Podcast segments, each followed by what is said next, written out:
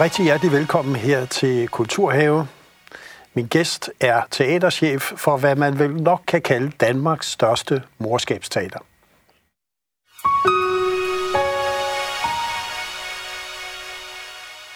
Og velkommen til dig, Tak. teaterdirektør Mette Wolf, Nørrebros Teater. Det er det. Ja, i Ravnsborgade. Det er det. Ja. Og når jeg siger Danmarks største morskabsteater, så er det jo, der er jo meget andet omkring det, for så kunne det være, at man fik ABC eller nogle andre teater. Nørrebros Teater er jo noget andet. Ja, altså det specielle ved Nørrebro Teater er, at det blev bygget til at være et morskabsteater. Det har simpelthen altid været det. Øh, og er det stadigvæk den dag i dag. Øh, så det har ikke haft, altså det har selvfølgelig været forskiftende kunstneriske visioner, der ligesom er blevet puttet ind i huset, men, men ideen har hele tiden været, at det skulle være underholdning, og det skulle være øh, sådan for det brede publikum. Og underholdning og bredt publikum er jo ikke lige det, man forbinder med, nu siger jeg, det seriøse teaterkunst. Og der har jo været en kæmpe diskussion om det folkelige, elitære, det kunstneriske osv. Ja. Ja, altså, øh, ja, det er jo en mærkelig diskussion, ikke? Fordi vi i teaterverdenen vil vi jo egentlig bare gerne have, at der er folk, der ser de ting, vi laver. Om det så er 20 mennesker, der kan sidde i en sal, eller en sal med 620 pladser, som der er på Nørrebro Teater. Øh, og øh, jeg synes jo, det er lidt, øh, altså det er jo vildt spændende at lave noget, som jeg synes er morskab med mening, men som også appellerer til et bredt publikum. Og finde øh, koden til at kunne lave det, det synes jeg er enormt spændende. Og synes jeg også, vi har lykkes med langt hen ad vejen på Nørrebro Teater. Ja, for det har jo været en af dine missioner, ligesom at sige, hvad er det for en kode, der kan lukke op? Fordi Ja. på et tidspunkt var Nørrebros Teater jo sådan, man kunne ikke rigtig se profilen mere, vel? Nej, og man kan sige, da jeg overtog teateret, var det primært folk fra andre steder end Nørrebro, der kom og brugte teateret. Øh, Vi havde flere publikummer fra Fyn og Jylland, end vi havde fra Nørrebro. Og øh, så min drøm var at, at vende det ikke bare sådan, så det er et lokalt teater, men på en eller anden måde øh, bruge det, at vi ligger i Danmarks mest mangfoldige bydel, øh, og at bruge det i vores kunstneriske vision også, sådan så vi også har et meget mangfoldigt udbud og appellere til det samfund, der ligger omkring os. Og dermed ikke sagt, at vi ikke gerne vil have publikum fra Fyn og Jylland, men altså, vi kan jo ikke regne med dem helt på samme måde, som vi kan med et sådan mere lokalt publikum. Og du blev øh, direktør i 2015. Ja. Og før det havde du været dramatur og så videre Ja. på Betty Nansen. Ja. Altså en lang karriere i teater. Ja. Men man kan sige, at den første chefstilling, Ja. det var så Nørrebros Teater. Hvordan har det været de sidste, skal vi sige, fem år, når vi taler teaterets udvikling, hvis du tager det generelt, også dit eget teater? Ja. Øh, altså, vi har jo, når jeg tænker tilbage på det sådan, de sidste fem år, måske mere sådan teaterpolitisk, så har i den tid, jeg har siddet der, øh, der har jeg haft, tror jeg, fire forskellige kulturministre, ikke? Øh, og så har der jo også været det store, grimme spøgelse, der hedder omprioriteringsbidraget. Øh, så vi blev beskåret. Nørrebro Teater mistede også Rialto-scenen, som var øh, øh, vores annex-scene. Og øh, så det har været nogle hårde år, synes jeg. Øh, jeg tror så omvendt, hvis du spurgte en direktør om det samme, altså for 20 år siden spolede tiden tilbage, havde de sikkert sagt det samme. Øh, så det er på en eller anden sjov måde også lidt i teaterets natur, at have sådan en følelse af, at det er lidt op ad bakke, øh, kulturpolitisk og teaterpolitisk. Øh, men når jeg så sammenholder det med, hvad vi har opnået på de fem år, så, øh, så er der ikke nogen parallel, kan man sige. Altså, jeg synes, vi har opnået utrolig mange gode kunstneriske resultater. Øh, men jeg tror ikke, jeg havde tænkt, da jeg satte mig i stolen, at det ville fylde så meget, som det har gjort, at få pengene til at slå til. Altså for at være øh, helt ærlig. Ja. Og når vi skal lidt ind på den kunstneriske linje, så synes jeg, at vi skal starte med en forestilling, som hedder Diktatoren, som jeg lige synes, vi skal se et lille klip fra, og så kan du få lov til at knytte nogle ord på den. Kommer her.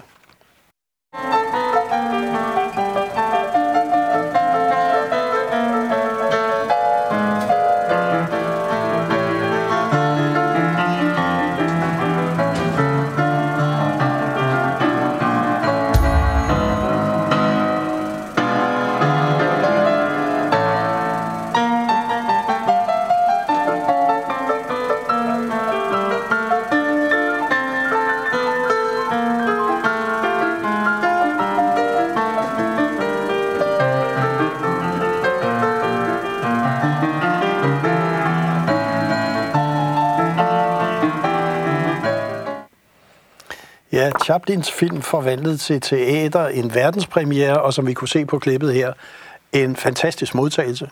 Man ja. kan jo sige, hjerterne og stjernerne ja. fløj ned. Ja, det var øh, virkelig ja. dejligt, det var det. Øh, og du har også sagt noget om, at hvis der var et VM i teater, så øh, vil du sætte pengene på skuespillerholdet. Ja.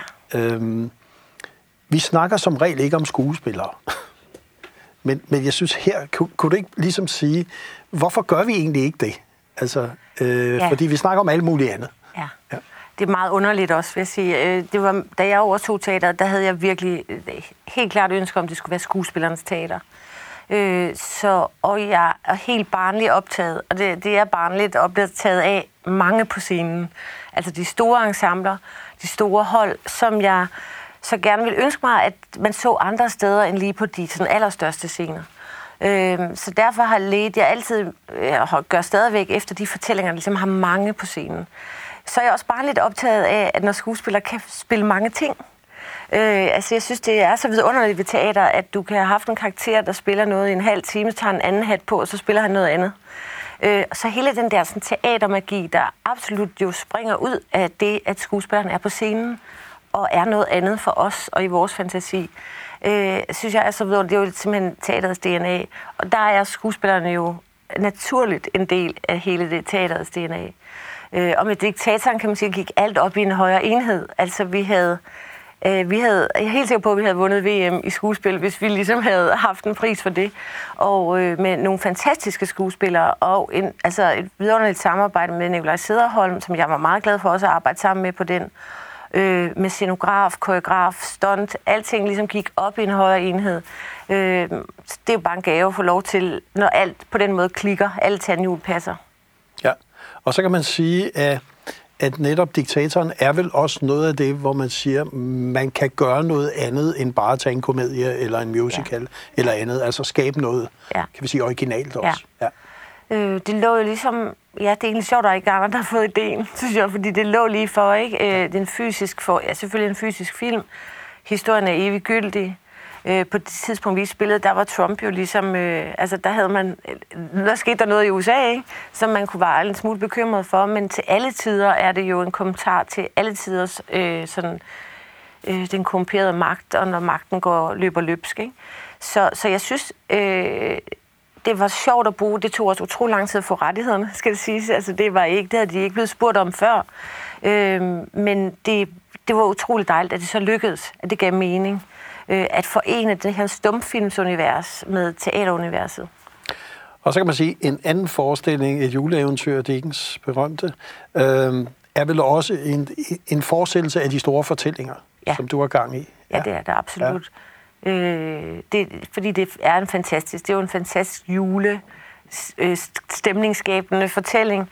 Øh, og, men så handler den faktisk også om noget. Den handler jo om, at det er aldrig for sent at blive et godt menneske at man øh, nogle gange må indrømme, at man har taget fejl, og ligesom lægge kursen om. Og øh, at det kan være svært at elske, øh, men at det lønner sig at blive ved at gøre sig umage. Det er bare en virkelig fantastisk fortælling, som jeg synes, øh, Victor Tjernel har løst helt vidunderligt i den øh, iscenesættelse, vi laver. Ja. Lad os lige se et lille klip fra. Ja. Det hele begyndte på juleaften. Hvem er det? Hold det! Jeg må forandre dem her. Lad deres hjerte slå med deres medmennesker, for de udsatte. For de udsatte? Jeg havde jo de udsatte. Jeg har ikke noget hjerte. Tre ånder vil komme og hjemsøge dem allerede i nat. Den første vil komme på det sidste slag, når klokken den er 12. Jeg er den svundne jords ånd. Det er tid til at rejse til deres fortid. Et juleeventyr, er det, er, er det så en klassiker på Nørrebros, frem, uh, Nørrebros taler fremover? Ja, altså det er det så længe jeg er der, vil jeg sige. Ja. Øh, for mig er det virkelig blevet... Jeg har faktisk øh, afholdt mig fra at lave juleforestillinger, så ikke det passer så godt til Nørrebro, altså til bydelen. Og, øh, men hvis vi skal lave en juleforestilling, så kunne vi ikke have ønsket os en bedre end den. Ja så bliver vi nødt til at snakke lidt om corona, nye formater, de udfordringer, der der kom og opstod den 11. marts. Nu nærmer vi os igen, øh, skal vi sige, en mulighed for genoplukning, ja. måske også af kulturlivet. Ja. Øhm, kunne du sætte et par ord på, hvad, hvad betød det for Nørrebro? Jamen altså det betød, at vi spillede Kirsberghaven på det tidspunkt 11. Øh, marts sidste år, og var, som var en videre i scenesættelse af Madeleine Rundjul, og øh, som jeg var rigtig ked af, at vi måtte lukke ned. Øh, vi, det var den dag, vi skulle have haft midtvejsfest, så der lukkede vi ned, og så var det det. Øh, og øh, det, det betyder nu, er selvfølgelig, at vi, at vi har måttet ligge. Vi skulle have spillet Stalins død nu, den skulle have haft premiere 11. februar, og det kommer vi ikke til at spille i år. Øhm, så det har været sådan en underlig humpende sæson, fordi vi hele tiden har skulle øh, regulere efter restriktionerne, og hvor mange mennesker måtte der være i salen, og måle op, og fordele toiletter, og alt muligt, der ikke har haft noget at gøre med at lave teaterforestillinger. Øhm, men nu ser vi jo fremad og håber bare, altså vi håber jo virkelig, at verden ser lidt mere normal ud på den anden side af, af sommerferien, og så glæder vi os til næste sæson.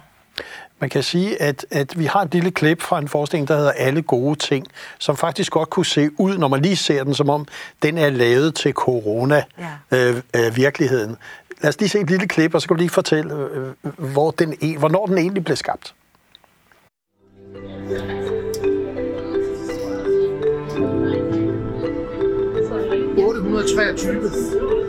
Nøgenbadning. En liste over alle gode ting i verden, over alt det, der gør livet noget værd at leve. Nummer 1. Kom Rapuis. Og Ruis. Dejligt her sted hvor Sanne Sand, hun synger os.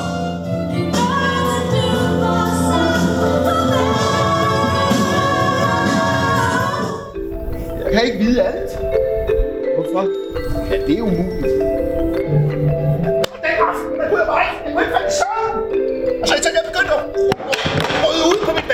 Go, go, go, let me hang it on like a yo, yo. Og øh, så holdt han en lang, dramatisk pause. Sang nummer syv på alle gode plader. Ja!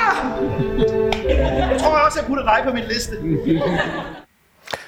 Og vi er i gang med Kulturhave, og min gæst er teaterchef Mette Wolf fra Nørrebro Teater, og alle gode ting her. Øh, var, det ser ud som om, det var en corona-forestilling. Ja. ja, det var det faktisk ikke, men det var utrolig heldigt. Det, det vil jeg gerne indrømme. Vi havde, vi gik i, øh, altså vi havde planlagt repertoireet, før der overhovedet var noget, der hed corona, i, i min bevidsthed i hvert fald. Øh, men den opstod ud af, at det, der har været meget vigtigt for mig, er, at vi kan vise teater på andre måder. Vi har jo kun én scene, og derfor er det typisk de her meget store, volumøse, øh, med, altså kæmpe forestillinger med stort cast, som er vidunderlige at lave. Men, øh, men når vi producerer dem, så er huset jo tomt. Altså, så kan vi ikke have publikum inde, fordi der arbejder vi på scenen. Øh, så det har været en meget sådan klar strategi at lave andre former for teater, altså bruge rummet på en anden måde, bruge salen på en anden måde. Dels så det er billigere at gå i teateret, det tager ikke så lang tid, øh, og man oplever noget, som er, det, det lugter af teater, der er skuespillere med, men det er ikke to og en halv time. Øh, og det, så så jeg alle gode ting, som er en engelsk forestilling. Øh, og den kan ikke spille i et rum for 620 mennesker, for han bruger publikum. Øh, og derfor var det, og det var så god en fortælling, og det var så umuligt, at vi skulle lave den, fordi vi jo kun har det her store rum. Så derfor gik vi i gang med at undersøge alt med brandmyndigheder og så videre, og fandt ud af, at vi kunne spille den på scenen, så vi byggede simpelthen scenen om, så publikum sidder på scenen sammen med skuespilleren Frank Thiel. Øh, og den kommer vi til at lave igen, og den er, altså, den vidunderlig forskning, som så jo, både fordi det passede med teateret, at vi, og corona, det gik op i en højere enhed, og vi kunne styre indlukke af folk osv. Men så handler den jo faktisk også om at minde sig selv om, hvad der gør en glad. Altså at lave lister for sig selv over alle de gode ting, der er i verden. Øh, så det faldt på det helt rigtige tidspunkt, hvor man nok havde brug for at gå ud af døren med den sådan følelse af, at det skal nok gå alt sammen. Og så en anden ting er jo, at I laver mange andre produktioner. Ja. Altså, det er jo også en ting, du virkelig har sat i gang. Ja. Øh, kunne du ikke også fortælle lidt om det? Jo, det kom jo ud af, øh, man sige, øh, en oplevelse af, at hvor jeg selv er vokset op i 70'erne, hvor vi svømmede i skoleteater, og øh, jeg blev hævet med i teateret konstant, øh, der oplever jeg måske i hvert fald, ser på mine egne børn, at, at det, det er der ikke helt overskud til i dag. Altså drama og teater, og så ikke helt på samme måde noget, der bliver en del af ens bevidsthed som barn. Og derfor er det svært måske at tage skridtet hen over dørtasken ind til teater, når man bliver ældre. Øh, derfor tænkte jeg, at jeg er nødt til at lave nogle formater, som gør det nemmere at gå i teateret, men som omvendt heller ikke koster øh, 300-400 kroner for en billet. Øh, og det tror jeg, at det er ret afgørende for folk, der ikke sådan synes, at teater er noget for dem. Derfor har vi lavet alle mulige forskellige arrangementer, kalder vi det, men som er alt fra videnskabsdebatter til øh, fællessang, til øh, øh, dagbogsoplæsninger, til Danmarks historiske debatarrangementer. Øh, og vi kommer til at lave mange flere nye formater. Vi har impro-comedy, Øh, I næste sæson, der har vi en investeringsklub for fattigrøve. Øh, og så kan man sige, hvad har det med teater at gøre? Men det har noget med teater at gøre, fordi der bliver en improvisation over dagens indeks øh, i sammen med det. Ikke? Øh, vi har et litteraturshow, hvor det er skuespillere, der battler på øh, klassikere. Øh, og vi kommer til at have sådan en familiefællesarrangement også, hvor det igen har noget at gøre med, at man er i et teaterrum, og man oplever teater på en anden måde. Øhm, og det, har, det er virkelig en fornøjelse at lave det, for det kan vi jo gøre, altså det spiller i den scenografi, der er der. Vi laver ikke rummet om. Øh, så man nogle gange kommer man og tænker, hvad er det for et mærkeligt rum? Så er det jo fordi, det er juleeventyrets scenografi. Øh, men på den måde får man jo også bygget en bro til det, der også foregår på teateret. Og vi kan lægge det på tidspunkter, hvor vi ikke bygger på scenen, eller klokken 5 om eftermiddagen, øh, hvor man jo traditionelt set ikke spiller forestillinger. Så det er, altså vi har nogle dage, vi har fire forskellige øh, arrangementer i huset øh, med fire forskellige slags publikummer, som lige når at krydse hinanden. Øh, det er jo lidt besværligt under coronaen, øh, men øh, vi håber selvfølgelig også, at det lader sig gøre i næste sæson. Og vi kan i hvert fald, vi har et lille klip fra et fællessangsarrangement, ja. en af dem, du snakkede om, der var før coronaen. Det kan ja. vi lige se her. Ja.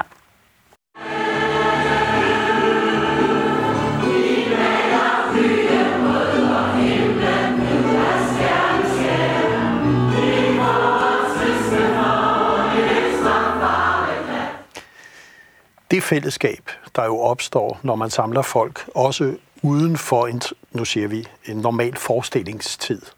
Hvad er det, det gør? Altså, er der en anden stemning? Er der, er der en anden forståelse for, nu siger jeg, teaterets position, i og med at lave sådan nogle ting, som jo dybest set ikke er teater? Ja, altså det bliver jo frem for alt vedkommende. Altså det bliver mit sted, og et sted, øh, jeg kan føle mig godt tilpas, uanset om jeg har taget det pæne tøj på, eller jeg kommer fra arbejde på en tirsdag. Ikke? Øh, og det bliver øh, sådan uprætentiøst. Altså, det, øh, der er ikke nogen, der er forkerte øh, at, at publikummer. Man skal ikke have sådan en bestemt baggrund. Men man kan sige, at vi gør os meget ud af at dyrke de her fællesskaber. Vi oprettede i sidste sæson noget, vi kalder Torsdagsklubben, som er for folk, der ikke, øh, som gerne vil gå i teater, men ikke har nogen at følges med. Øh, og så det er ikke en datingklub, det er egentlig bare bevidstheden om, at jeg sidder i et område her med andre, der også er alene afsted, og jeg har nogen at tale med i pausen. Og så har vi en teatervært, der byder velkommen, og altså man betaler ikke noget for at være med, man betaler en normal billetpris, og det er blevet en kæmpe succes. Øh, og vokser og vokser bare. Så, så jeg tror, vi lever også i en tid, hvor man gerne vil have tilbud om fællesskaber. Øh, og det synes jeg jo, teateret kan. Altså det, at vi sidder i en sal sammen og ser på noget sammen, øh, er jo fuldkommen vidunderlig følelse. Og sådan et fælles sangsarrangement, øh, hvor der så også kommer en skuespiller og også synger nogle sange, er, man har vinger, altså hverdagen har vinger bagefter. Så det er jo på en måde, øh, altså jeg tror, det er tiden, der lidt kalder på det, øh, men det er også teateret, der finder ud af, hvad det er, vi altid har kunnet, men måske skal blive endnu bedre til at sige højt, at vi har som tilbud. Ja, og, og netop i denne her tid, hvor vi kan sige, at Danmarks Radio fandt ud af, at det, der ville slå alle serierekorder, var ikke X-Factor, det var så fællessang. Ja. Altså måske også, at teateret finder ud af, at mange af de aktiviteter og arrangementer ja. uden om teatret måske kan være med til, at vi forstår teaterets betydning. Ja. ja. Og absolut også, fordi man kan sige, at vi er jo et statsstøttet teater. Det svarer jo til, at vi var et hospital, som der kun var nogen, der ville bruge. Men alle er med til at betale til, kan man sige. Så jeg synes egentlig også, at vi har en forpligtelse til at blive ved med at regne ud, hvordan vi kan åbne det, så flest muligt får lyst til at gå ind øh, og, så, øh, og, og være en del af det, vi tilbyder. Ja. Der vil altid være nogen, vi ikke kan nå. Altså, der vil altid være nogen, der ikke vil være interesseret i det. Men der er også mange, der er på vippen, tror jeg. Og det er jo dem, vi skal øh, fortælle eller appellere til. Ja. Og så, så havde I på et tidspunkt premiere på en forestilling, som jeg synes opsummerer alt, hvad Nørrebros Teater er. Og hvis jeg siger Benny Andersen, så må du lige sætte lidt ord på. Ja. Jeg voksede op med Benny Andersens musik og sange, og det har altid været en stor drøm at lave den forestilling, som er Svendes Lykkelig i dag. Der er jo er en, en bog med små sange, eller med sange og små fortællinger. Øh, så jeg kontaktede Benny Andersen og var så heldig at møde ham, og have mange middage med ham, hvor vi der drak Campari og øh, snakkede om Svante. Og, øh, og så lavede vi den her forestilling, som også for mig står som absolut et af højdepunkterne, øh, og som helt, som du siger, det opsummerer alt det, jeg gerne vil have Nørrebro Teater er. Og jeg synes, at vi lige skal se et øh, klip fra forestillingen. Ja.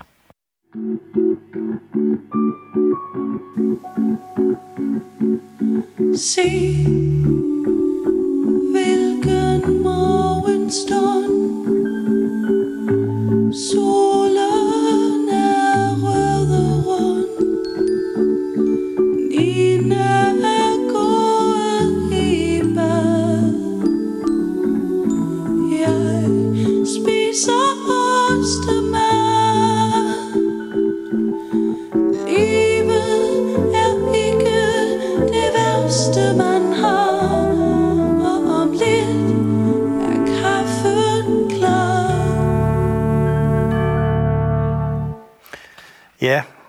en meget smuk forestilling, øh, men også, jeg tror, du satte ord på det, folkeligheden kom tilbage til folket Ja, med den forestilling. ja.